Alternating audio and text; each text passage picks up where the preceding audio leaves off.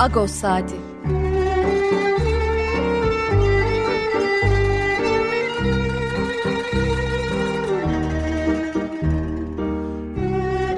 Haftalık Agos gazetesinin penceresinden Türkiye ve Dünya gündemi. Agos'un mutfağından haberler, söyleşiler, olaylar.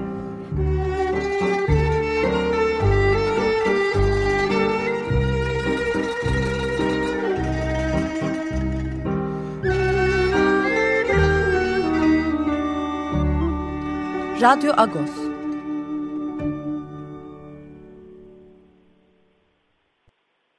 Ողջույն սիրելի ռադիո ունգընտրողներ։ Աչիկ ռադիոյի հերթական հաղորդումով ռադիո Ագոսի ժամով ահավասիկ միասին ենք։ Ողջույն բոլորիդ։ Սա երկար ընդհատում էր նման անոնսի համար, քանի որ երկար ժամանակի իվեր հաղորդումը գվարեր սիրելի Եթրոտ Տրանցիկյանը եւ այս շաբաթ այդ բազի վիճակվեցավ ինձի եւ ես մեզ ուրախությամբ ողջունեմ ցես մախտելով Փարի շապատավեջ։ Merhaba sevgili Açık Radyo dinleyicileri. Radyo Agos saatinde bu hafta e, birlikteyiz. E, her hafta gerçi birlikteyiz. Her hafta ben konuk konumunda programa katılıyordum ama bu hafta programı hazırlamak, sunmak da e, bana düştü. Her neyse uzun bir hasretin e, giderildiği an şu an benim için e, çok keyifliyim. Keyfim çok yerinde. E, zannediyorum birlikte e, keyifli de bir, bir buçuk saat geçireceğiz. Saat on buçuğa kadar yaklaşık e, açık radyo mikrofonlarından birlikte olacağız. Hem her hafta yaptığımız gibi Agos'un penceresinden önce bir dünyaya göz atacağız. Hem de e, konuklarım olacak. Konuklarımla da hoş zaman geçireceğimizi ümit ediyorum. Çünkü e, günün sıkıcı politik gündeminin dışında bir sohbet yapmaya çalışacağız. Ee, o da hepimize daha iyi gelecek. Çünkü e, bunalımlı günlerin içindeyiz. Bu bunalımlı günlerden kastettiğim şu koronavirüsün bir yıl sonra neredeyse ilk günkü tehditleri kadar güçlü olarak yaşamımızın içerisine girmesi hatta yaşamımızı berbat etmesi de demek mümkün buna. Ee, bu şartlar altında da hakikaten hepimizin daha farklı morallere ihtiyacı olduğunu düşünüyorum. O yüzden de konukları bu bağlamda seçtim. Ee, sanattan, müzikten falan bahsedeceğiz. Hoş olacağını zannediyorum. Ee, sevgililer bu haftaki Ağustos'a gelince önce manşet haberlerimizle başlayalım. Bizim için gerçekten de tesadüflerin getirdiği tuhaf bir e, denk düşme hali diyelim. E, bu hafta Agos'un manşetinde Ankara Ulus'ta e, yıkılan İller Bankası binasının yeniden inşaatı esnasında ortaya çıkan kemikler e, ansızın gündem oluverdi. Bu işin çarpıcı tarafı ne? E, bir hafta kadar önceydi Yunanistan'da Halkidiki'de Halkidiki'nin yakın köylerinden birindeki bir okulun hemen yanı başına spor tesisi inşa edilmeye çalışılmıştı ve o spor tesisi inşaatında da bir takım kemikler ortaya çıktı. Hemen inşaat durdu e, ve bu kemiklerin neyin nesi olduğuna dair bir çalışmaya girildi ve kısa zamanda anlaşılan şu ki e, orası eski bir Müslüman mezarlığıymış ve bu Müslüman mezarlığı çok uzun zaman kullanılmamış, sahipsiz kalmış şu bu. Sonuçta mezarlık vasfını da bütünüyle getirmiş bir araziye dönüşmüş. Ama e, kazı çalışmalarında, temel kazısı çalışmalarında e, mezarlık bir kez daha ortaya çıkmış. Bu haber duyulur duyulmaz e, Dışişleri Bakanlığımız hemen konuyu sahiplendi ve e, şöyle bir e, ne kelime kullanacağım bilmiyorum. Talimat mı diyeyim, nota mı diyeyim, e, talep mi diyeyim ama şöyle bir e, kompozisyondu. Kazı derhal durdurulsun, e, oradan çıkartılan kemikler derhal usulüne uygun şekilde e, dini vecibeleri yerine getirilerek defnedilsin. E, o bölge e, sınırları belirlensin ve üzerine de Müslüman mezarlığı ibaresi konulsun. E, bu bir üstenci bakış e, açısıyla işte talimat mahiyetinde bir e, dilekti, e, bir ricaydı muhtemelen. E, ama bu ricayı dile getirenler Türkiye dış işlerinde tasfiye edilen monşerler olmadığı için üslup böylesine emredici sanki e, bir Osmanlı sultanı e, işgal ettiği bölgelerdeki işgal valisine talimat veriyor minvalinde bir e, yazıydı. Tam bunun üzerine Ankara Ulus'ta e, bir Ermeni Katolik mezarlığı olduğunu sonradan öğrendiğimiz alan ortaya çıktı. Bu alan içinde şimdi yaklaşım acaba bu mu olacak? E, bunu çünkü e, haberi biz özellikle de e, Mimarlar Odası Ankara Şubesi'nin açıklamasıyla duyduk. E, Ankara Şubesi hemen e, bu meseleyi e, haber etti, e, basına duyurdu ve burada da e, Tezcan Karakuşcan'dan şube başkanı, Mimarlar Odası Ankara Şube Başkanı Tezcan Karakuşcan'dan e, elimizdeki belgelerle buranın Ermeni Katolik mezarlığı olduğunu biliyoruz. Üstelik alanda bir de e, kilisenin harabeleri var dedi. Bütün bunlar şimdi nasıl bir sonuçla karşılaşacak? Acaba o kemiklerle dini vecibelere uygun bir şekilde yeniden defnedilecekler mi? Türkiye Cumhuriyeti Dışişleri Bakanı'nın Yunanistan'dan istediği şekilde burada da e, benzer bir yaklaşımla dini vecibeler yerine getirilip oraya da Ermeni Katolik mezarlığı tabelası asılacak mı? Bu e, Türkiye'nin şartlarını bilenler için epeyce fantastik görünüyor.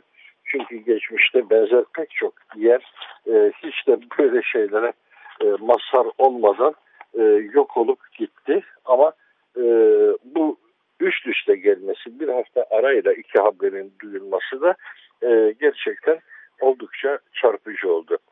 Bu hafta Ağustos'un e, sayfalarında e, Papa'nın Irak'tan dünyaya verdiği mesajlar e, başlığıyla bir e, yazımız var. E, Antoine e, Irgıt e, kaleme almış bu yazıyı 15. sayfada e, ve gerçekten de Papa'nın e, Kuzey Irak'a yaptığı e, ziyaret, oradaki Müslüman din insanlarıyla temasları e, batıda çok yankı bulan bir mevzu oldu. Çok yankı bulan gelişmeler oldu. Özellikle de e, Doğu Hristiyanları diye tabir edilen e, nispeten daha küçük ulusal gruplar ve onların kiliseleri açısından çok anlamlıydı Papa'nın e, Irak ziyareti.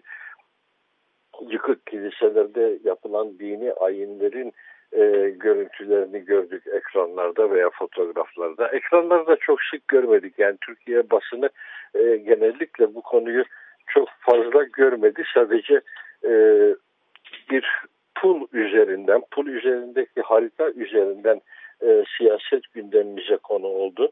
Yoksa ne Papa'nın söyledikleri Türkiye'de kimsenin gündemini oluşturdu. E, ne orada yaşananlar, ne oradaki toplumun halleri, son zamanlarda ma, e, ma, e, maruz kaldıkları mağduriyetler bunların hiçbiri Türkiye siyasi ortamında e, mevzu olmadı ama e, bir hatıra pulu bahsedilden bahsedildi. O pulun görseli yayınlandı. O görsel üzerinde bir Kürdistan haritası vardı Papa'nın fotoğrafının arkasında. İşte e, Kızılca Kıyamet'te o harita etrafında koptu. E, en azından ben izledik izlediğim kadarıyla Meral Akşener'in e, elinde o fotoğrafla hükümete hesap sorduğuna tanık olduk ki bu fotoğrafı görünce ne tepki verdiniz, niye sesiniz çıkmadı, hani nasıl bir ses çıkması bekleniyordu, nasıl bir tepki verilmesi bekleniyordu onu bilmiyorum ama belli ki Türkiye Kürdistan sözcüğüne tahammülü çok az olan bir siyasi iklimin içerisinde bu sözcük e, topraklarımızın dışında da olsa insanların tüylerini diken diken ediyor. Hatırlayalım Kuzey Irak'ta bir bağımsızlık referandumu yapıldığında da Türkiye'de kıyametler kopmuştu. Hani neredeyse e, ordumuzla gidecektik o bağımsızlık referandumuna e, engel olmaya çalışacaktık. E, nitekim e, belki de olduk da zaten çünkü referandum yapıldı ama bağımsızlık kararı hayata geçirilemedi. Ee, Kuzey Irak Bölgesel Yönetimi gibi bir e, Türkçedeki isimle e, anılıyor oradaki yönetim. Gerçi o yönetimde oldukça sorunlu bir e, politik arka plana sahip çünkü e, orada da bu ne kadar e, Kürdistan olabilecek, ne kadar bir Barzani devleti olabilecek tartışması bütünüyle e, gündeme hakim Kürtlerin kendi en önemli iç sorunu olarak ortada duruyor. E, biz e, gene gazetemizin sayfalarına dönecek olursak e, Doktor Osman Elbek Sağlık Bakanlığı aşıların ne zaman geleceğine dair bir takvim açıklamalı e, diye soruyor. Bu e, Ferda Balancar'ın 16. sayfada yer alan söyleşisi Doktor Osman Elbek'le. E, gerçekten de aşılar meselesi bir yandan hayatın pratiği içerisinde e, belli bir gidişat var. Bunu gözlemliyoruz. En azından e, ben kendi adıma söyleyebilirim. Birinci doz aşımı oldum. ikinci dozun gününü bekliyorum. Ama bu arada e, ikinci doz aşı olacak mı? Yoksa o aşı randevumuza bir iki gün kala bir telefon alacağız ve ertelendi mi diyeceğiz. Halen bu sorunun da e, cevabını bilmiyoruz. E, o tereddüt hali gerçekten de hakim çünkü yeterince aşı en azından şu anda elimizde olmadığı belli. E, aşı takvimi de mütemadiyen erteleniyor. Yani e, Mayıs sonuna kadar bu işleri yoluna koymuş olmamız bekleniyorken şimdi sonbahar işaret ediyor. Sonbahar ayları demek Eylül, Ekim, Kasım ayları demek olacak. Bu da işlerin belli bir zorlukla gittiğinin göstergesi bir anlamda. E, anlaşılabilir zorluklar bunlar. Birçok ülke henüz aşıya hiç ulaşamadı. Hiç e, gündeminde bile değil belki de e, kimi ülkelerin. E, dünyanın eşitsizliğidir. Yapacak bir şey yok. Buna gücümüz ne yazık ki yetmiyor. E, birilerinin bol körlüğüne sığınmak zorundayız. Yapılabilecek belki de tek şey bu konuda patent meselesini e, kamulaştırmak olabilirdi. E, ama böyle bir tezahür kapitalizmin ruhuna aykırı olacağı için hiçbir çevreden somut anlamda e, destek görmüyor. Bu konuda öneriler var çünkü. E, kamulaştıralım bu patenti. Bu patent insanlığa mal olsun. Herkes aşı üretebilsin. E, ama bu konuda büyük bir e, mücadele sürdüren batılı ilaç tekelleri buna tabii ki e, razı olmayacaklardır. E, bunu dayatabilecek kamusal güçte ne yazık ki bizle sınırlı değil bütün dünya ölçeğinde henüz oluşamadı. Henüz öyle bir tepki gücümüz yok. Henüz dünyayı bu anlamda yeniden hizaya getirebilecek insanlığı esas alan değerler üzerinden hizaya getirebilecek bir gücümüz yok. Dolayısıyla her şey e, şimdilik böyle belirsizliklerle gitmek zorunda. Biz de izleyicisi kalmak zorundayız gibi görünüyor. E, farkındayım e, yorucu bir tempoyla konuştuk devam ediyoruz ama e, gazetede bu hafta ilginç bir e, söyleşi daha var. Azerbaycanlı yazar Ekrem Eylisli'nin e, bizim açımızdan tercüme olan bir e, söyleşisi var. E, Ekrem Eylisli diyorsunuz Azerbaycan'daki Ermeni düşmanlığı e, milli ruh hali çok canlıyken buna tepki gösteren e, ve Ermenilerle dost olunmasını salık veren söylemlerinden ötürü Azerbaycan'da e, linç kampanyasına uğramış bir insandı. Nitekim ülkeden ayrılması e, mümkün değil. Pasaportuna el konulmuş durumda e, ve hatta evinden dışarı çıkamaz hale getirilmiş durumda Ekrem Meclisli. E, onun e, bir röportajının tercümesi e, gazetemizde yer aldı. Başlığında ise e, komşun berbat haldeyken nasıl mutlu olabilirsin? Evet, e, gerçekten de e, Sovyetler Birliği'ni bir zamanların Sovyetler Birliği'ni oluşturan cumhuriyetler açısından son derece çelişkili bir tablo var ortada.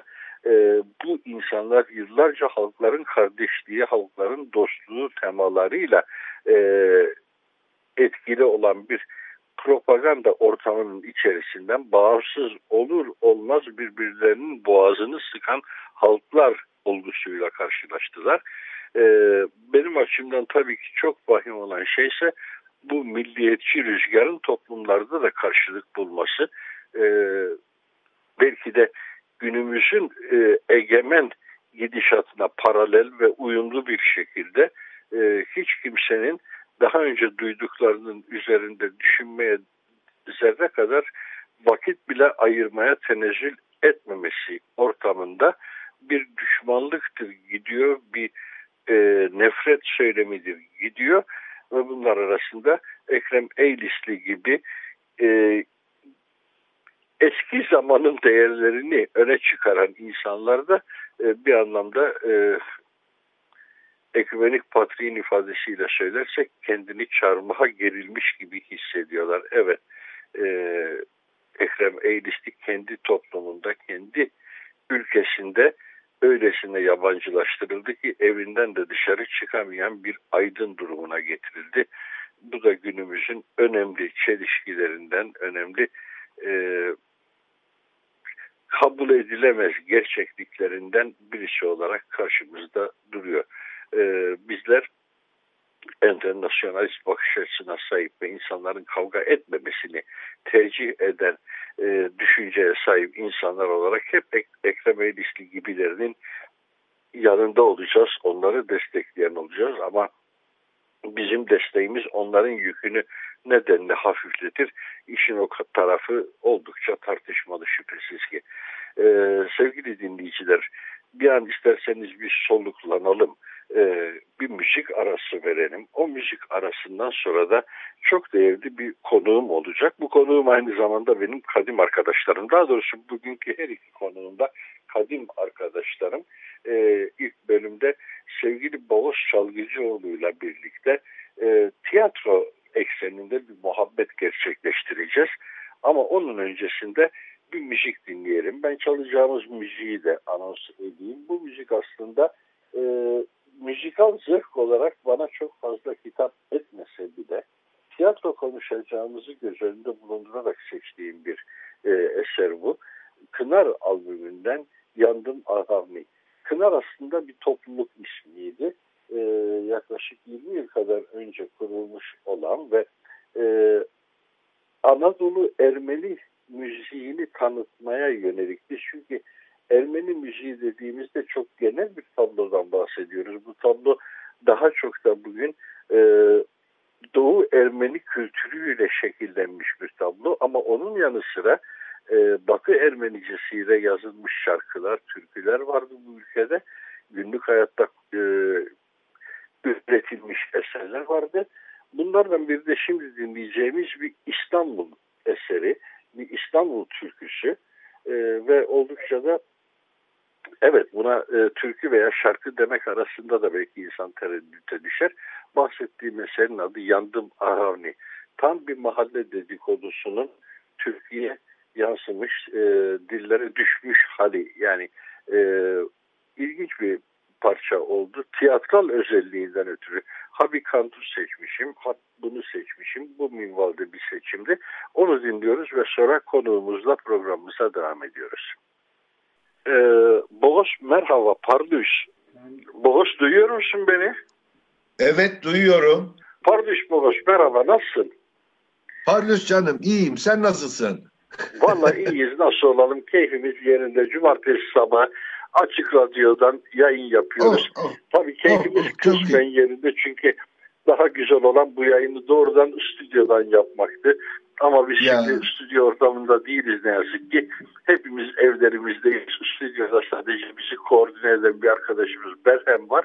Ee, ama olsun ee, sohbet sohbettir. Ee, Boğaz e, seninle tiyatro konuşmak istiyorum. E, çünkü biliyorsun bizim ahbaplığımızın başlangıcında Getronagan Derneği'nde senin tiyatro kolunda olman ve e, tiyatro faaliyetleri sürdürmen vardı. Biz de o derneğin gençlik koluyduk, şuyduk, buyduk. Metronagan Derneği'nde e, ve oradan başlayan bir 40 yılı bulan aşan ahbaplığımızın üzerinden sen tiyatroda bir sürü yoğun iş yaptın ama so, son bir yılda neler yapıyorsun? Bunu konuşmak istiyorum. Çünkü her şey kesintiye uğradı. Sahneler durdu. Ee, bunu ama sadece birkaç dakika konuşacağız. Sonra kısa bir araya gideceğiz. Ondan sonra gene uzun uzun tekrar birlikte olabileceğiz. Ee, tamam. Şimdi sen şu birkaç dakikayla da bu bir sene hakkında biraz değerlendirme yapar mısın? Tabii ki. Şimdi içinde bulunduğumuz bu durum aşağı yukarı bir seneyi devirdi. Ya bu bir sene içinde aslında tüm insanların durumu neyse benim durumum da o. Tiyatronun durumu da o. Tiyatro sevenlerin durumu da o. Yani bir durağan haldeyiz, beklenti halindeyiz. Ne yapacağımızı bilmiyoruz. Aslında bu sosyal medyada yani bu internet aracılığıyla bir sürü sanatsal faaliyet yapılabiliyor ama tiyatronun ne kadar yapılabilir yapılabilir olduğunu bence tartışılır. Bir şeyler yapılıyor ama e, bu beni tatmin etmiyor tabii ki. Dolayısıyla son bir yıl içinde ben sadece e, tiyatro yazılarıma önem verdim. Anılarımı toparlamaya çalışıyorum. E, Osmanlı Ermeni tiyatrosuyla ilgili e, bilgileri bir araya getirip onları dosyalamaya çalışıyorum. Yani sahneye çıkıp da sahnede e, yapabileceğim herhangi bir şey maalesef mümkün olmadı. Bütün tiyatrocular aynı durumda. Yani bunu daha detaylı da konuşacağız herhalde. Ama son bir yıl içinde yani içinde bulunduğumuz bu ümitsiz veya ne bileyim moral bozucu durum tiyatrocular içinde, tiyatrolar içinde geçerli diyebilirim. Evet, bütün sanatsal etkinliklerin üzeri bir şekilde örtüldü. Herkes o örtünün altından bir çıkış, bir nefes alma kanalı arıyor. Müzisyenler evlerinde tek tek çalışmalarını e, sonra evet, yan yana evet. getirip kaydederek albümler çıkarıyorlar. Videolar yayınlıyorlar ama hiçbirisi o sahne heyecanını e, ne tiyatroda ne müzikte e, ne de salonunda evet. izlenmeyen sinema filminde hiçbiri vermiyor. Ekranlarımızda çok hoş filmler izliyoruz. Özellikle son dönemlerde benim için e, çok önemli bir kazanım oldu TRT 2 kanalı. Hemen her akşam çok güzel filmler veriyor. Eğer tekrar değilse her filmi neredeyse ilgiyle izliyoruz ama gene de sinema salonunda bulunmanın, o salonu teneffüs etmenin e, verdiği keyfi hiçbir şey tabii ki, vermiyor. Tabii ki, tabii ee, sevgili Boğaz şimdi e, süreyi iyi kullanmak için şu kısa bir reklam arasına girmemiz gerekiyor bu aşamada. Ondan sonra e, bu tiyatro ile ilgili yazı, çizi ve araştırma özellikle de araştırma konularında biraz daha seninle sohbet edelim. Çünkü senin e, bu alandaki faaliyetlerini de biliyorum. E, onlarla devam ederiz şimdi. Tamam. Şimdi kısa tamam. bir reklam arası veriyoruz. Tamam. Radyo Agos. Ee, evet Boğaz, şimdi kaldığımız yerden devam edebiliriz. Bu e, dönemde e, çok çarpıcı, tiyatro açısından çok çarpıcı bir gelişme olarak e, Hagop Ayvaz sergisi açıldı. Yapı Kredi Galatasaray sergi salonunda. E, izlemişindir mutlaka sergiyi. Kulis dergisi evet. arşivinden yola çıkarak hazırlanmış bir sergiydi. Hrant Dink Vakfı biliyorsun e, kulis arşivi Hrant Dink Vakfı'na teslim edilmişti. Ve Hrant Dink Vakfı o arşivi e, uzunca bir süre e, yoğun emekle dijitalleştirdi. Şu bu ve şu anda hem araştırmacıların hizmetine sunuldu hem de bu sergiyle kamuoyuna açıklandı. Biraz bu sergiye dair konuşabilir miyiz sende? Tabii ki. Ee, tabii ki bu sergiye gittim. Zaten hasbel kader az buçuk da olsa benim de o çorbada biraz tuzum var. Ee, hem Hrant Dink Vakfı'nın hem benim de e, yöneticisi olduğum hatta kurucu üyesi olduğum Türkiye Tiyatro Vakfı'nın ve dolayısıyla Yapı Kredi Banka'nın bankasının üçlü işbirliğiyle ortaya çıktı. Gerçekten çok önemli e, bir sergi bu. Muhakkak bütün tiyatro severlerin hatta bütün sanat severlerin e, izlemesi gereken bir sergi bu. Ama tabii biliyorsunuz çok az sayıda e, ziyaretçi kabul edilebiliyor aynı anda. Dolayısıyla şimdi şeyin e, serginin süresi de uzatıldı ama çok ilgi görüyor. Gerçekten e, Hagop Ayvaz benim de yakından tanıma şansı bulduğum çok ender rastlanan e, tiyatro sevdalılarından biri. Özellikle Kulis dergisiyle 50 yılı aşan ya 50 yıl 50 yıllık bir e, yayın hayatına devam etmesi e, inanılmaz bir şey. Bu Türkiye'de ilk, Türkiye'de tek daha doğrusu. Sergi oldukça güzel, oldukça doyurucu. Serginin kuratörleri çok iyi çalışmışlar. Ee, sunum çok hoşuma gitti benim. Birkaç kez gittim tabii ki. Yani 3-4 kez ben gittim o sergiye. Gerçi bu 65 yaş üstü meselesinden çeşitli problemler yaşadım ama yine de gittim. Herkesin görmesini tavsiye ederim. Agup Ayvaz'ın hem sahne arkadaşlarıyla birlikte olan fotoğraflarını izlemek, oradaki eski tiyatro tekstleri, e, tiyatro fotoğrafları, hatta kulisi e, tekrar tekrar belli sayılarını orada sergilenmiş halde görmek gerçekten insana hem hayret hem huzur hem mutluluk veriyor. E, kulis dergisinin de bütün koleksiyonunun işte sevgili Doktor Barke Balımyan tarafından Ranting Vakfı'na hibe edilmesi, hediye edilmesi ve e, bu bin küsür sayılık kulis dergilerinin de bir şekilde e, dijital ortamda da olsa seyredilmeye açık olması e, çok etkileyici. Valla ben e, sonuç olarak kulis sergisini çok beğendim.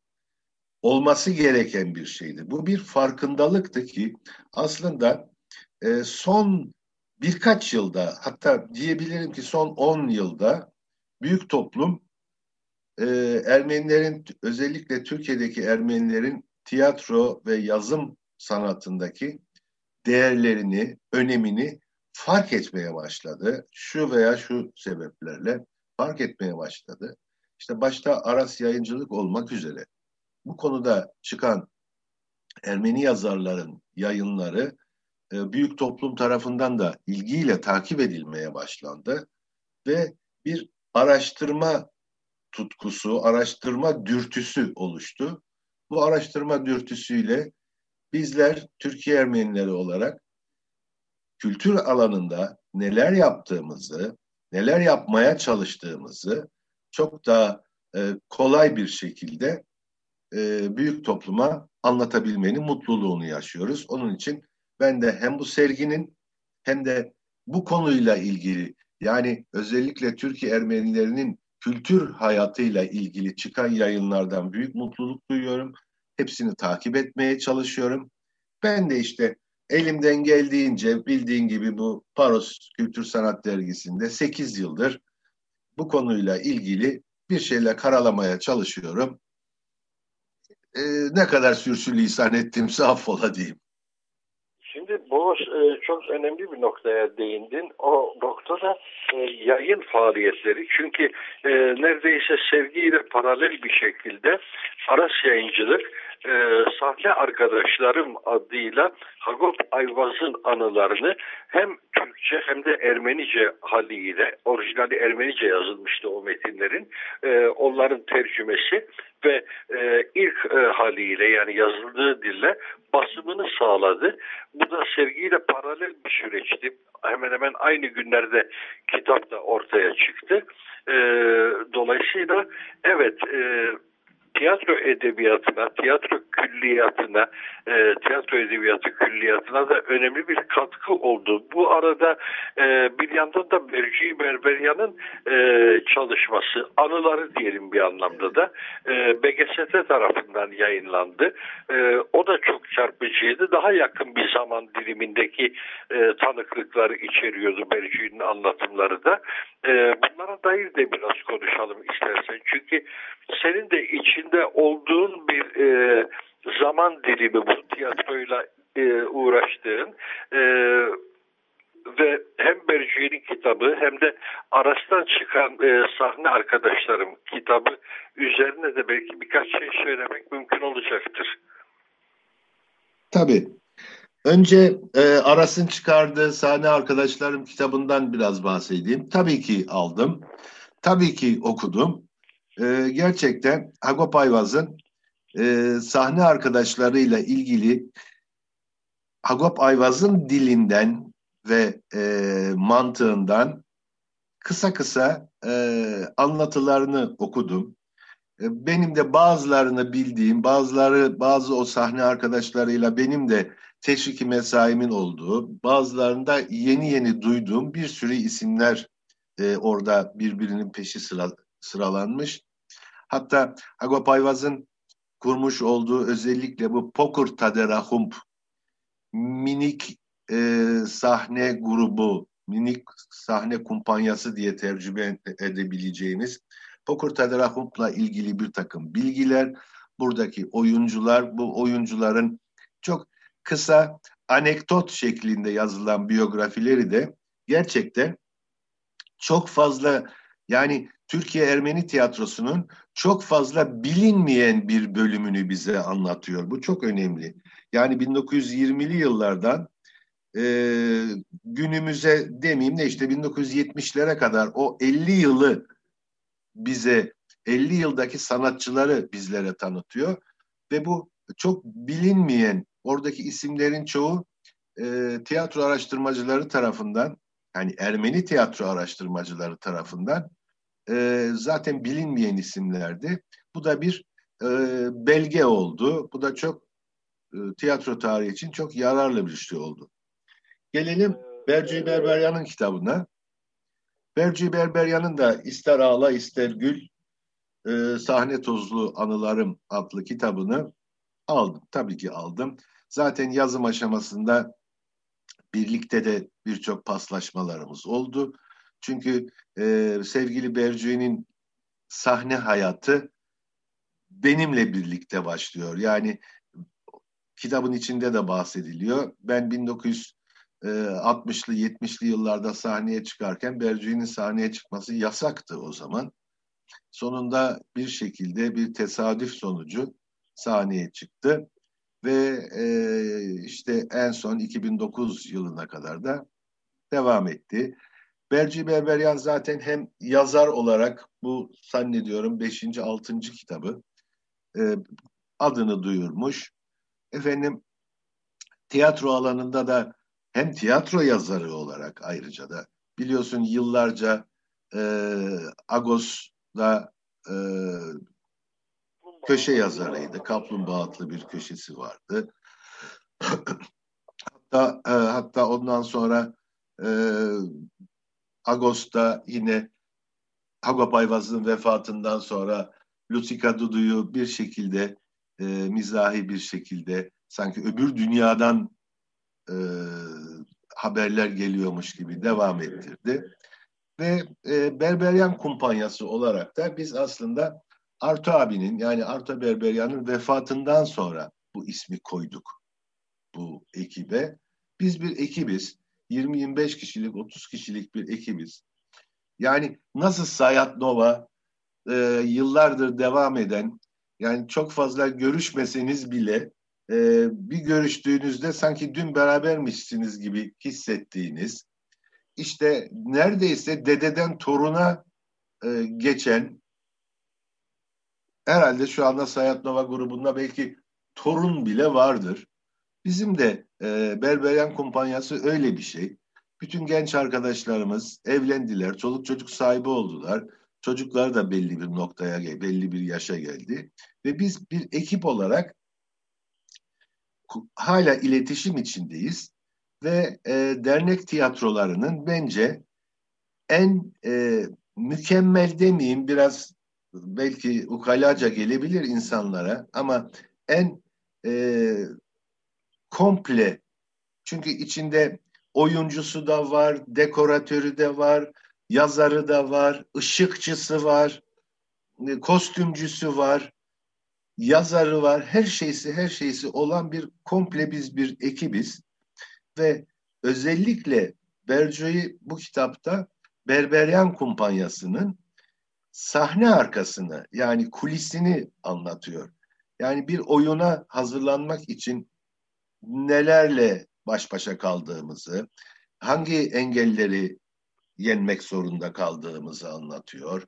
Dernek yönetimleriyle olan ilişkileri veya ilişkisizlikleri anlatıyor. Ee, dernek yönetimlerinin çünkü biz amatör oyuncular, ayrıca da amatör derken bir kez daha basmak istiyorum üzerine. Bazıları çünkü bunu yanlış yorumluyor.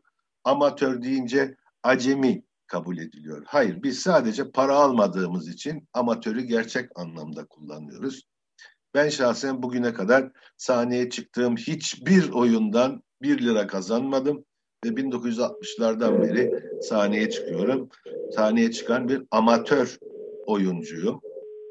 Ee, bu ekip bu ekip her zaman e, dernek yönetimleri, derneklerde sahneye çıkmak zorunda kaldı. Çünkü parası yok. Herhangi bir yerden e, bir sahne kiralaması da mümkün değil. Prova yapabilecek mekan da yok. Dolayısıyla hep dernek sahnelerini kullandık. E, başta Karagözyan olmak üzere. Karagözyan Derneği bizim için e, bir yuva oldu bir şekilde. 20 yılı aşkın bir süre orada çalıştık. Ondan önce ben e, Getronagan Derneği oyuncularından biriydim. Yani gözümü orada açtım. İlk sahneye çıkışım gerçi Esayan Derneği'dir. Hatta Feriköy Derneği'dir. Ama e, yetişmem ve bir şekilde artık hiçbir zaman gerçi tiyatroda usta yoktur. Hep her an sahnede bir şeyler öğrenirsin ama belli bir tecrübeye erişmem de Karagözyan Derneği ile olmuştur. Ama Belce işte bu kitapta bütün bunlardan bahsediyor.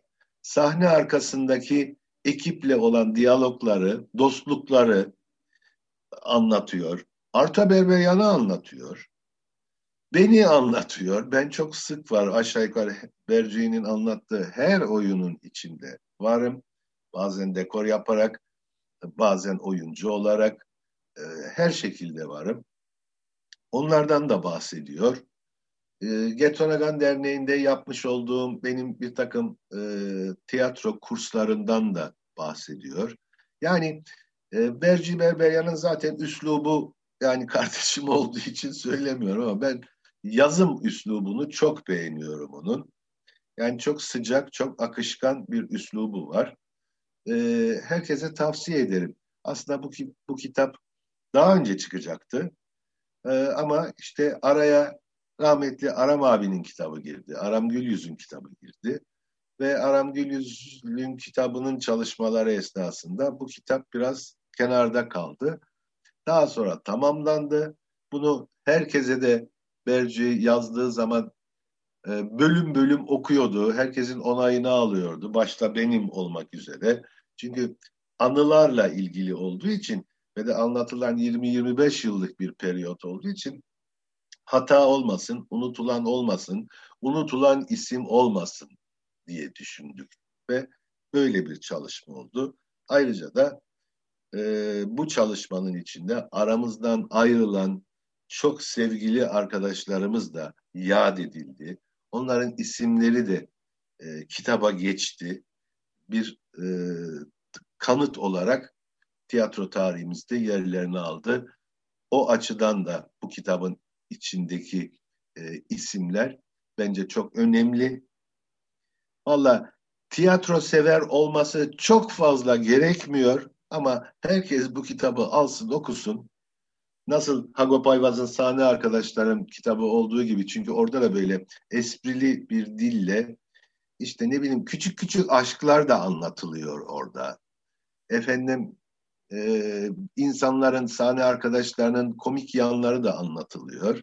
Yani illaki tiyatro sever olmak gerekmiyor sahne arkadaşlarım kitabını veya ister ağla ister gül kitabını alıp okuyabilmek için. Öyle güzel, öyle minik hoş espriler var ki hele ki bu pandemi günlerinde hepimiz böyle sıkıcı bir hayatın içindeyken bu tür kitapların e, yayınlanmış olması ve de piyasada e, bulunabiliyor olması e, bir sanatsever olarak beni çok mutlu ediyor.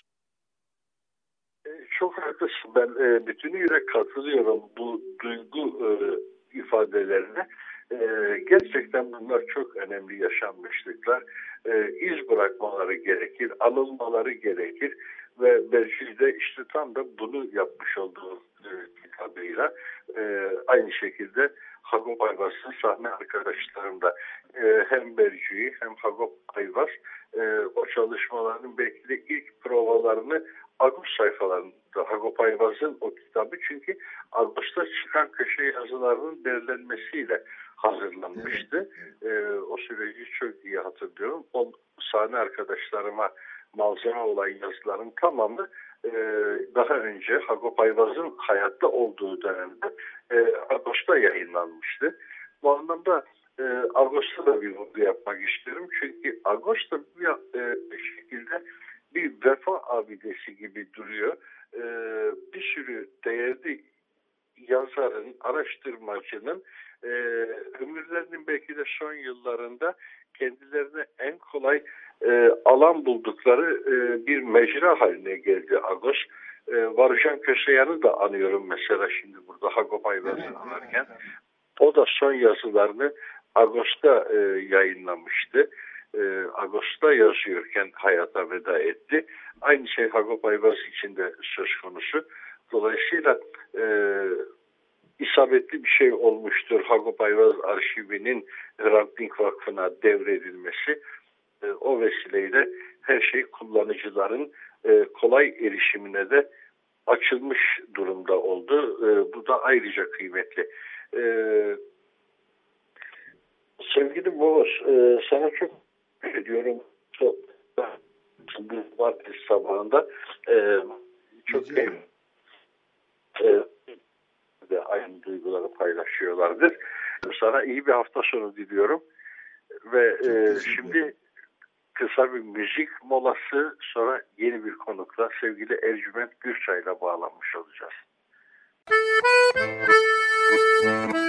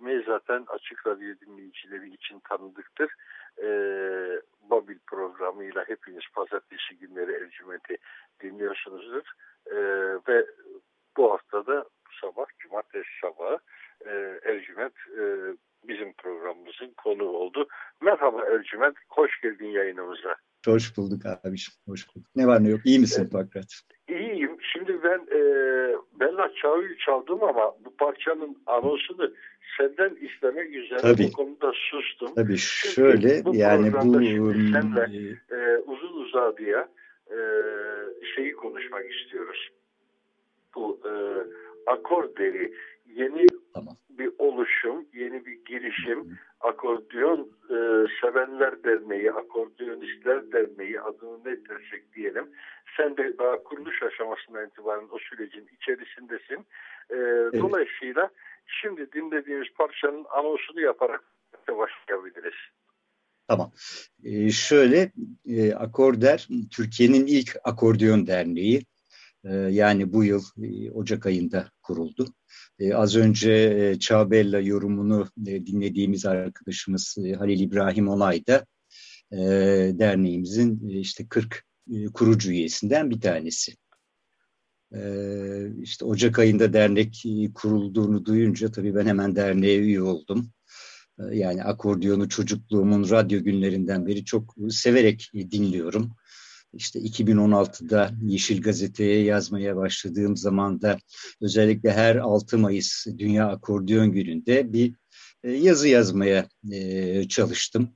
E, işte 2017'den beri Açık Radyo'da pazartesi günleri Babil'den sonra programını yapıyorum ve orada da akordiyona sık sık yer veriyorum şöyle 2019'da yani bugün e, işte kurulan Ocak ayında kurulan derneğimizin başkanı olan sevgili hocam e, Aziz e, El Yahutu'yu iki öğrencisi Gülferiz Başyiğit ve Canan Tuğberk ile birlikte programıma canlı yayına konuk etmiştim. Ki sevgili Gülferiz de bugün derneğin yönetim kurulu üyesi. Canan Keza üyelerimizden, üye arkadaşlarımızdan. E, derneğimizi Ocak ayında e, kurduk e, Pakrat ve hemen Dünya Akordeon Konfederasyonu'nda üyelik başvurusunda bulunduk ve üyeliğimiz hemen kabul edildi. İşte onun ardından 25 Ocak'ta yani geçtiğimiz Ocak ayının 25'inde e, Dünya Akordeon Konfederasyonu Başkanı Frederick Deschamps'ı, işte Başkan Yardımcısı Raymond Bodalı ve Konfederasyon Sekreteri Enna Bodalı e, akordör, e, akorder yöneticisi arkadaşlarım ve üyeleriyle birlikte e, Babil'den sonra da konuk ettik. E, yani radyomuz Açık Radyo e, çok önemli bir kamu hizmetine de ev sahipliği yaptı e, diyebilirim. E, yani Türkiye için bir ilk olan bir akor, e, akordeon derneğinin kuruluşunu e, işte hem e, Türkiye'ye hem dünya akordeon kamuoyuna radyomuz aracılığıyla e, duyurduk. Bundan sonra da e, derneğin hem ulusal ve hem de uluslararası planda dünyaya açılan kapısı olacaktır diye düşünüyorum Açık Radyo. E, işte 22 Şubat'ta bu kez Akorder'in genç ustalarını e, Babil'den sonra yine konuk ettim. Nisan ayında da yani önümüzdeki ay içinde de bu kez Akorder'in yaşlılarını yani kendilerini öyle tarif ediyorlar ama bence hiç öyle değiller. Yani başta sevgili başkanımız e, Aziz Ali Elyavut'u olmak üzere hepsi son derece dinamik, genç, çalışkan ve yaratıcı. Ee, yani derneğin yaşça gençleriyle birlikte e, her zaman genç olan, genç kalan, daha ileri e, yaştaki üyeleri yani çok keyifli bir beraberlikle yürüyoruz. Ve ben bu ekiple kısa orta vadede yani Akorder'in Türkiye'de akordeon adına çok önemli işler yapacağını düşünüyorum. Ee, keza yine Mayıs ayında radyomuzun 53. yayın dönemi başlayacak. Oraya da bir program önerisi yani radyonun yapım ekibine bir program önerisi sunmayı da planlıyoruz. Yani belki 15 binde bir kez olabilir. E, bilemiyorum. Bir radyonun yayın planı neye el veriyorsa ona göre bir öneri e, sunmayı planlıyoruz. Yani henüz detayları konuşmadık. Kısaca böyle özetleyebilirim abi akorderi. Bu söylediklerin, bu anlattıkların çok değerli şeyler. Özellikle de bunların pandemi ortamında insanların işte gruplar olarak yan yana gelemediği bir ortamda kotarılıyor olması da ayrıca heyecan veriyor. Demek ki bizler e, zorlukları e, aşmak için nasıl da yetenekliymişiz. Burada bir de bunu görüyorum. Yani örgütçülüğümüz, şuyumuz, buyumuz hiç etkilenmiyor. Evlere hapsedilsek, sokağa çıkma yasaklarıyla, hatta otobüse binme yasaklarıyla kuşatılsak bile biz bir şekilde bu örgütçülüğümüzle yeni yapılar e, ortaya çıkarabiliyoruz. Bu da ayrıca heyecan verecek. Sizler e, mesela imkanlarınız böyle olmasaydı, e, şartlar bu kadar zorlamasaydı, belki de şimdi e, gruplar halinde akordiyon provaları falan yapıyor olabilirdiniz ama şu anda bunların evet. hepsinden mahrumuz. Öyle olduğunda son derece verimli şeylerden bahsediyorsun. E, anlatır mısın biraz daha Ercüment? Yani e, başkalar yapılabilirdi ve şimdi pandemiden ötürü yapılamıyor. Aslında şöyle, e, yani e, birçok şeyi amaçlıyor e, derneğimiz e, Pakrat. E, yani en önemli amacı bence şey yani okullaşmak. Yani şöyle e, köy enstitüleri fotoğraflarına baktığımızda işte kucaklarında akordeonlarıyla e, işte dizili onlarca öğrenci görüyoruz. Yani o yıllarda akordeon eğitimin önemli bir unsuruymuş müzik eğitiminin. Ama sonraki dönemlerde aynı önemin verildiğini söz etmemiz mümkün değil. E, yani akordeon işte dünya ülkelerinin müzik eğitimi, eğitim müzikleri programlarında her aşamada işte başlangıç, orta lise ve yüksek öğretim e, düzeylerinde yer alıyor. Ama günümüz Türkiye'sinde bu ne yazık ki henüz e, başarılabilmiş değil. Yani akorder ülkemizdeki müzik eğitimi ve eğitim müziği adına bu eksikliği giderebilmek amacıyla e, yola çıktı. Yani asıl amacı bu. Yani derneğin en önemli amacı bu diyebilirim. Yani akordeon eğitimi konusunda dernek yönetim kurulu işte başta Dünya Akordeon Konfederasyonu olmak üzere Türkiye'de de çeşitli kurumlarla e, görüşmeleri planlıyorlar. E, yani teknik, bilimsel, sanatsal ve kültürel açıdan işte ülkemizde hak ettiği yeri e, almasına katkı sağlamak istiyoruz akordeonun. Yani bu konuda herkesin desteğine de ihtiyacımız var açıkçası. Ee, yani işte bu hani hmm, akordiyonu toplumsallaştırmak için ne yapacaksınız diye bir, bir soru e, sorabilirsin. Ee, mesela ilk planda bir ulusal yarışma e, planladık. Yani bu yıl 1-18 Mayıs tarihlerinde ilk ulusal akordiyon yarışmasını düzenleyeceğiz. Ee, yani Dünya Akordiyon Konfederasyonu'nun bu yıl Ukrayna'da yapılacak işte 71. akordiyon yarışmasına ülkemizden katılacak adayları e, belirleyeceğiz bu yarışmada. Ee, yani ulusal yarışma jürisinde uluslararası ve e, yani ulusal çok değerli akordeonistler var. Mesela Konfederasyon Başkanı Frederick Deschamps, yani Başkan Yardımcısı Raymond Bodal, e, Bulgaristan'dan Angel Marinov var. Yani işte Azerbaycan'dan, Yunanistan'dan, Arnavutluk'tan, Kırım'dan, Sırbistan'dan, e, Güney Afrika Cumhuriyeti'nden, Macaristan'dan akordiyon dünyasının ustaları e, jüri e, olarak görev alacaklar ulusal yarışmada. Türkiye'den keza yine Edvar Aris gibi bir usta var. Açık Radyo programcısı Ortaç Aydınoğlu jüride. Cengiz Berkün, işte Ejder Orkun Kılıç, Mikail Yakut e, hani ve beni bağışlasınlar adlarını şu anda anımsayamadım. Çok sayıda değerli isim var jüride. E, yani ilk kez yapılacak bu önemli yarışmaya işte son başvuru tarihi 20 Nisan. E, derneğin web adresinden e, katılmak isteyen arkadaşlarımız e, başvurabilirler. Ben izin verirsen adresimizi bir e, söylemek istiyorum Pakrat. E, Akorder'in e, web adresi e, www.akorder.com e, Tabii bu hani yakın zaman içinde ulusal yarışma planlandı ama örneğin belki 2022'de bir akordeon festivali e, yapabileceğiz. Yani bu konuda da e, kafa yormaya başladık. Keza yine bu yani akordiyonun e, müzik eğitimindeki yerini e, e, sağlamlaştırmak, açmak için bir e, akorder, akordeon ve körüklü çalgılar akademisi de hedeflerimiz arasında. Yani bu okulda hobi ve akademi programları düzeyinde e, programlar uygulanmasını planlıyor yönetici arkadaşlarımız. Yani dernek yönetim kurulu işte başta Dünya Akordeon Konfederasyonu olmak üzere Türkiye'de de çeşitli kurumlarla bu konuda görüşme yapacaklar. Bir, e, bir e, şey daha var, bir hedef daha var. O da bir ulusal akordeon ve körüklü çalgılar orkestrası kurmak. Ee, ve belki bir akordeon dergisi çıkarabilir miyiz? Şimdi onun da bir ne derler ön çalışmalarını yapıyoruz. Yani böyle böyle özetleyebilirim e, Pakrat. Yani bu başlıklar e, altında. Bu anlattıkların da oldukça e, heyecan verici ve ilginç şeyler. Ee, hı hı. Bir konuya daha bir değinmek istiyorum. Yani akordiyonu baz alacak olursak akordiyon diye bildiğimiz enstrüman aslında e, tarihçesi itibariyle oldukça yeni bir e, enstrüman. E, bir anlamda körüklü bir piyanoca diyebiliriz. Nitekim evet. Ermenistan'da akordiyona bulunan e, tanım, akordiyon sözcüğünün karşılığı el piyanosu.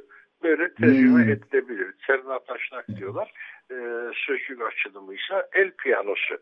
E, fakat Hı. bu piyano e, kimi yerlerde e, şekil de değiştirdi. Örneğin Kafkasya kültüründe Gürcistan'da veya Azerbaycan'da e, garmon olarak karşımıza çıkıyor. Evet. Garmon ve akordeon arasında ne benzerlik ve ne farklılıklar olduğuna dair de biraz konuşabilir miyiz? İstersen Pakrat şöyle yapalım. Hani akordeon tarihi dedin ya. E, ben kısa bir özet geçmek isterim. Çok da zamanlı şey kullanarak. Yani akordeon bu yıl 6 Mayıs'ta 192 yaşına girecek. Yani aslında bu hani körüklü çalgıların öncülerine Çin'de milattan önce 1700'lerde filan rastlanıyor.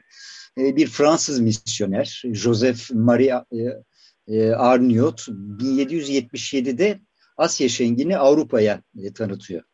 E, ve yani mızıka ve akordeon gibi çalgıların icat edilmesinin de önünü açmış oluyor. 1829'da yani 192 yaş buradan geliyor. E, bir e, Ermeni kökenli Viyanalı bir mucit. Cyril Damian 19. yani o günlerin eğlence müziklerine yani ihtiyaç olan güçlü bir çalgıya gereksinim duyuluyor ve bu hani e, Asya'daki atasından yola çıkarak bu körüklü çalgıyı e, geliştiriyor ve patentini alıyor.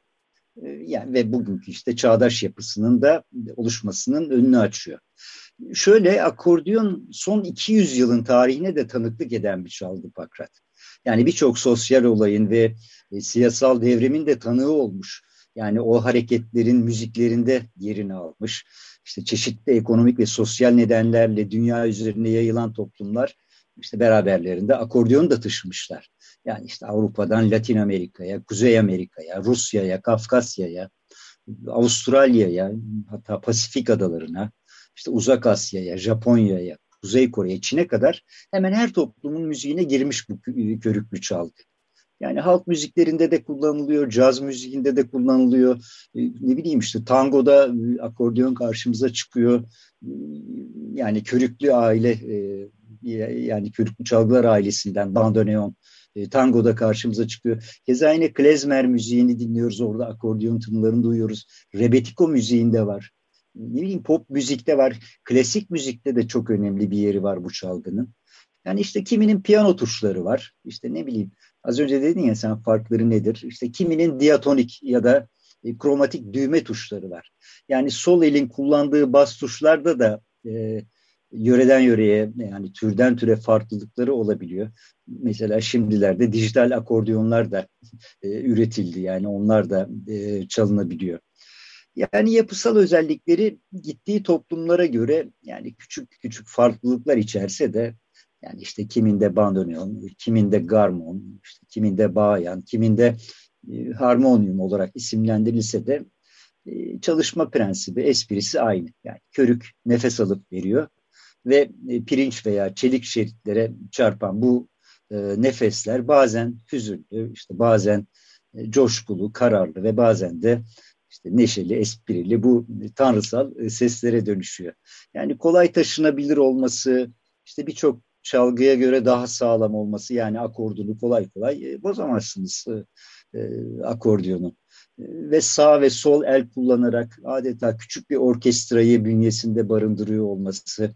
Yani hem tek sesli müzik e, müziğe uygun ve hem de aynı anda polifonik müziğe de olanak sağlaması e, ve bunun gibi nedenlerle işte dünyanın birçok toplumlarının müziğinde e, yerini almış akordiyon. Yani aslında kültürler arası bir barış elçisi de demek e, belki mümkün. Hani genel anlamda müzik de barışın dili falan diyoruz ama hani akordiyon bu yaygınlığıyla aslında e, yani ne bileyim kültürler arası bir barış elçisi de e, ünvanını da hak ediyor e, diye düşünüyorum kendi adıma. E, bir de akordiyonun e, Türkiye'de e, içerisinde e, simgeleşmiş isimleri vardı. E, evet. Muhtemelen e, bundan bahsetmek isteyeceksindir sen de. Mesela Elbette. Çiçek Pasajı'nda e, iki kadeh bira içmeye giden her dostun yanı başında bir süre sonra yeah. beliren bir e, karakterdi. Akordiyoncu yeah. Anahit Çiçek Pasajı'nda yeah. yeah. evet, figürü. Evet. Yıllar önce zaten e, aramızdan ayrıldı. Aynen. Aynen. E, edebiyete göçtü. Ebediyette yeah. artık akordiyon çalıyordur muhtemelen. E, biraz Anahit ve e, günlük yaşantımıza giren o anlamdaki akordiyondan da bahseder misin? Tabii ki. Şöyle yani ben Madame Anait'i anımsıyorum yani. Benim yaşım yetti onu tanımaya. Ne bileyim yani Beyoğlu'na çıktığında onun sesini duymuşumdur. Şöyle 1926'da doğmuş Madame Anait. İşte talimhanede dünyaya gelmiş. 29 Ağustos yani 2003'te de tarla başındaki evinde mide kanseri ve kalp yetmezliği sonucu hayata veda etmişti. Yani 77 yıla sığan işte bazen neşeli bazen hüzünlü ve işte zaman zaman da coşkulu geçen fırtınalı bir hayatı olmuş. Yani işte çiçek pasajının yakasındaki gülle, işte dudaklarına bol gelen o kırmızı rujla, e, kocaman gözlükleriyle işte tizlerde kısalı veren o buruk sesiyle işte tiril tiril elbiseleriyle en çok da akordiyonuyla unutulmaz simgesi olmuştu Beyoğlu'nun. Yani Beyoğlu sokak müzisyenlerinin atası hatta bana göre yani yaratıcısı. E, yani işte akordiyoncu. Evet. Peki kadın. şimdi sen e, radyoculuk programını bilirsin. Yarım saatte bizim bir reklam Diyor. aramız olacaktır. Şimdi tamam. hemen kısa bir reklam arasına girelim Olur. ve sohbetimize bir ayrı tamam. devam edelim. Olur mu? Tabii. Hemen kısa tabii, bir tabii. reklamlar. Radyo Agos. Pekala. Evet Ercüment şimdi kaldığımız yerden devam edebiliriz Şöyle tekrar. e, Madam evet. Anahit'ten bahsediyorduk e, Bakrat. Evet. Yani akordiyonla nasıl tanıştığına dair de ben kısaca bir şey anlatmak istiyorum izin verirse. E, yani ilk akordiyonu yaz aylarında çok sık gittikleri Büyükada'da e, yani aşık olduğu Rum sevgilisi Yorgon'un elinde görmüş e, Madam. E, ve 1943 yılında ilk akordiyonunu yüksek kaldırımda e, Papa Yorgi'den almış o zamanların ünlü bir ne derler müzik mağazasıymış işte. Çalgılar satarmış, notalar vesaire vesaire. Yani 17 yaşında ilk akordiyonuna sahip e, olmuş ve e, ölene kadar da akordiyondan ayrılmamış. Yani 59 e, sene içinde yani akordiyonu edindikten sonra işte dört koca eskitmiş işte kimi ölmüş kimi e, terk etmiş onu kiminin de o terk etmiş ama akordiyondan hiç ayrılmamış yani e, 60 yıllık müzisyenliğinde e, 40 yıl çiçek pasajında akordiyon çalmış.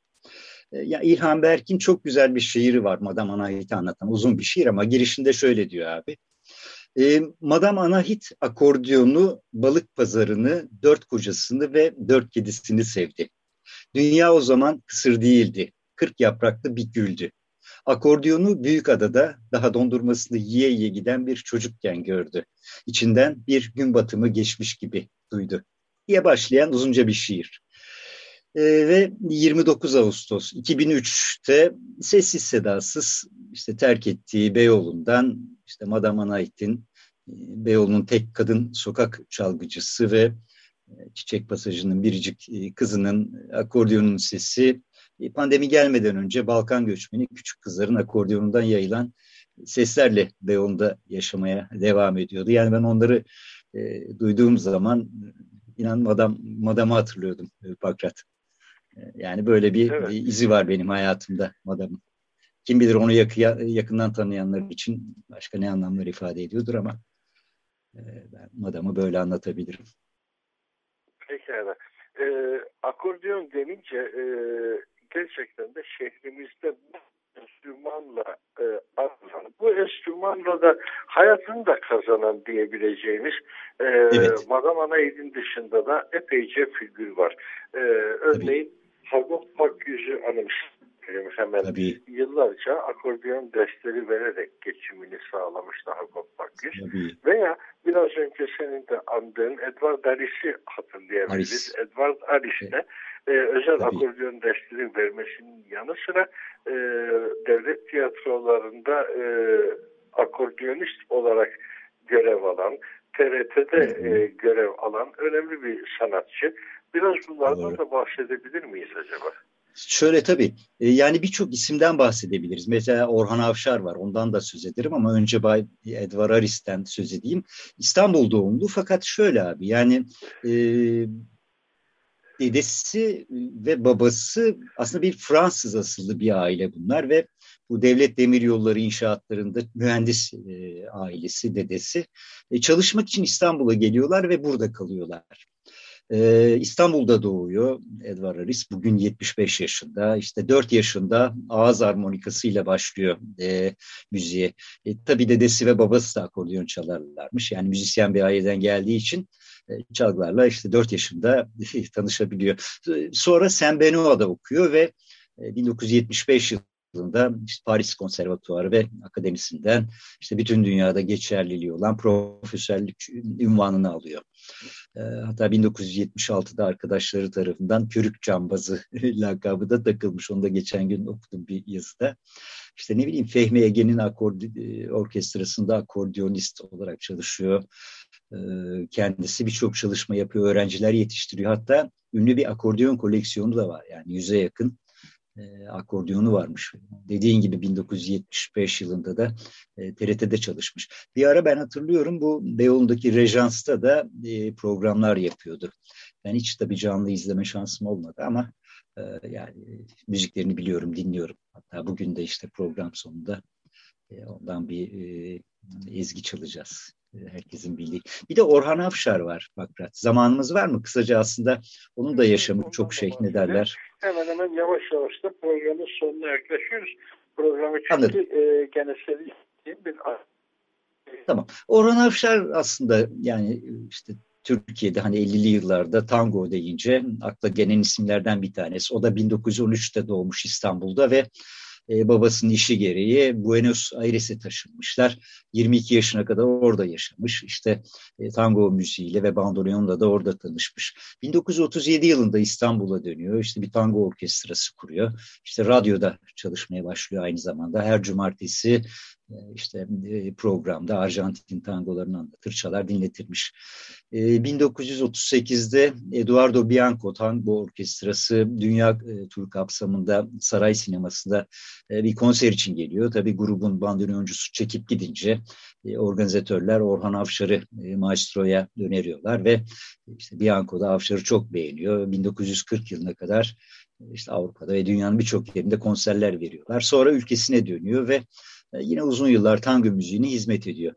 E, yani işte evlerdeki tek eğlencenin radyo olduğu 50'li yıllar İstanbul'un da e, ne derler parlak yılları işte eğlence yerlerinin Paris'te yarıştığı filan söyleniyor, okunuyor. Tabii ben o yılları bilmiyorum ama okuduklarımdan. E, fakat gün geliyor işte bu yıllar geride kalıyor. İşte insan kalitesi düşünce müziğin kalitesi de düşüyor. İşte TRT'deki programına son veriliyor. Ee, işte çok sıkıntı çekiyor. İşte talimhanede, e, Tayga Bar'da bir iş buluyor. İşte biraz müzik yapıyor orada. E, bazen otona sıkıla teşrifatçılık yapıyor. E, ve 47 yıl önce 2 Şubat 1974'te işte Tayga Bar'dan çıkıyor bir sabah. Evine gitmek için yürüyerek talimhaneden Dolapdere'ye iniyor. Dolapdere'den Feriköy'e çıkan yokuşta bir kamyonun altında kalıyor. Hayata veda ediyor. Ee, yani bir radyo söyleşisinde dinlemiştim. İşte orada körüklü çalgıların yeteneklerinden bahsediyordu. Ama Türkiye'de değerinin pek de bilinmediğinden bahsediyordu Orhan Avşar. İşte belki akorder yani Orhan Avşar gibi, ne bileyim Edvar Aris gibi, Madame Anhait gibi insanların belki yaşarken e, görmeyi çok arzuladıkları bir şeyi yapmak için yola çıktı aslında Pakrat. Yani akordiyonu hem eğitim sisteminde hem e, toplumsal yaşam içerisinde daha yaygınlaştırmak, daha çok insana ulaşmasını sağlamak gibi bir hedefi de var e, Akorder'in. E, yani ben de bu nedenle de çok heyecanlıyım aslında ve e, elimden gelen her türlü desteği de vermeyi düşünüyorum akordiyona ve tabii ki e, derneğime. Özetle bunları diyebilirim abi. Bunlar anlatılar oldu. Çok teşekkür ediyorum Eyvallah. sana. Ee, gerçekten de akordiyon için bizi bugün dinleyenler e, farklı bir ufuk e, buldular karşılarında diye zannediyorum. E, programın kapanışını e, senin gene belirlediğin parçayla yapalım ve Dolayısıyla tamam. kapanış anonsunda... İzin verirsen ben derneğimizin sosyal medya hesaplarını kısaca tekrarlayabilir miyim Pakrat? Ee, kap yani diye söylüyorum. Onunla bitirelim e, programımızı. Son tamam. parçamızı şimdi dinleyelim. E, derneğimizin web sitesini ben tekrarlayayım. www.akorder.com e, Keza yine Facebook'ta bir e, Akorder sayfamız var. Bir de YouTube'da yine e, Akorder e, sayfamız var. Yani dernek hakkında, akordeon hakkında bilgi almak isteyen e, dinleyicilerimiz, dostlarımız e, buralardan her türlü bilgiyi edinebilirler. Çok teşekkür ediyorum Pakrat bize bu fırsatı verdiğin için. E son parçamızı da anons et bari öyle. Ha tabii. Şey e, tabii yani şey Edward Aris'ten dinleyeceğiz. E, yaşayan büyük usta ki bizim bu ulusal yarışmamızdaki jüri üyelerinden bir tanesi olacak. E, bu çok e, hani bilinen bir şey. Yani aslında Hatırla Margaret diye e, işte e, ortaya çıkmış bu ama zaman içerisinde hatırlı sevgiliye dönüşmüş bir e, aşk şarkısı, bir akordeon ezgisi. E, Edward Harris'ten dinleyeceğiz.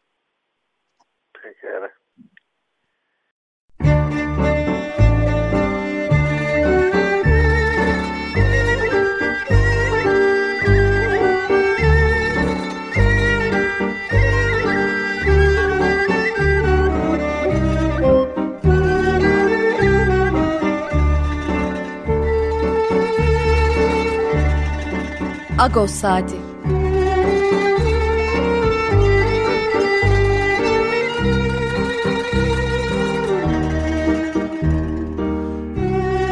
Haftalık Agos gazetesinin penceresinden Türkiye ve dünya gündemi. Agos'un mutfağından haberler, söyleşiler, olaylar.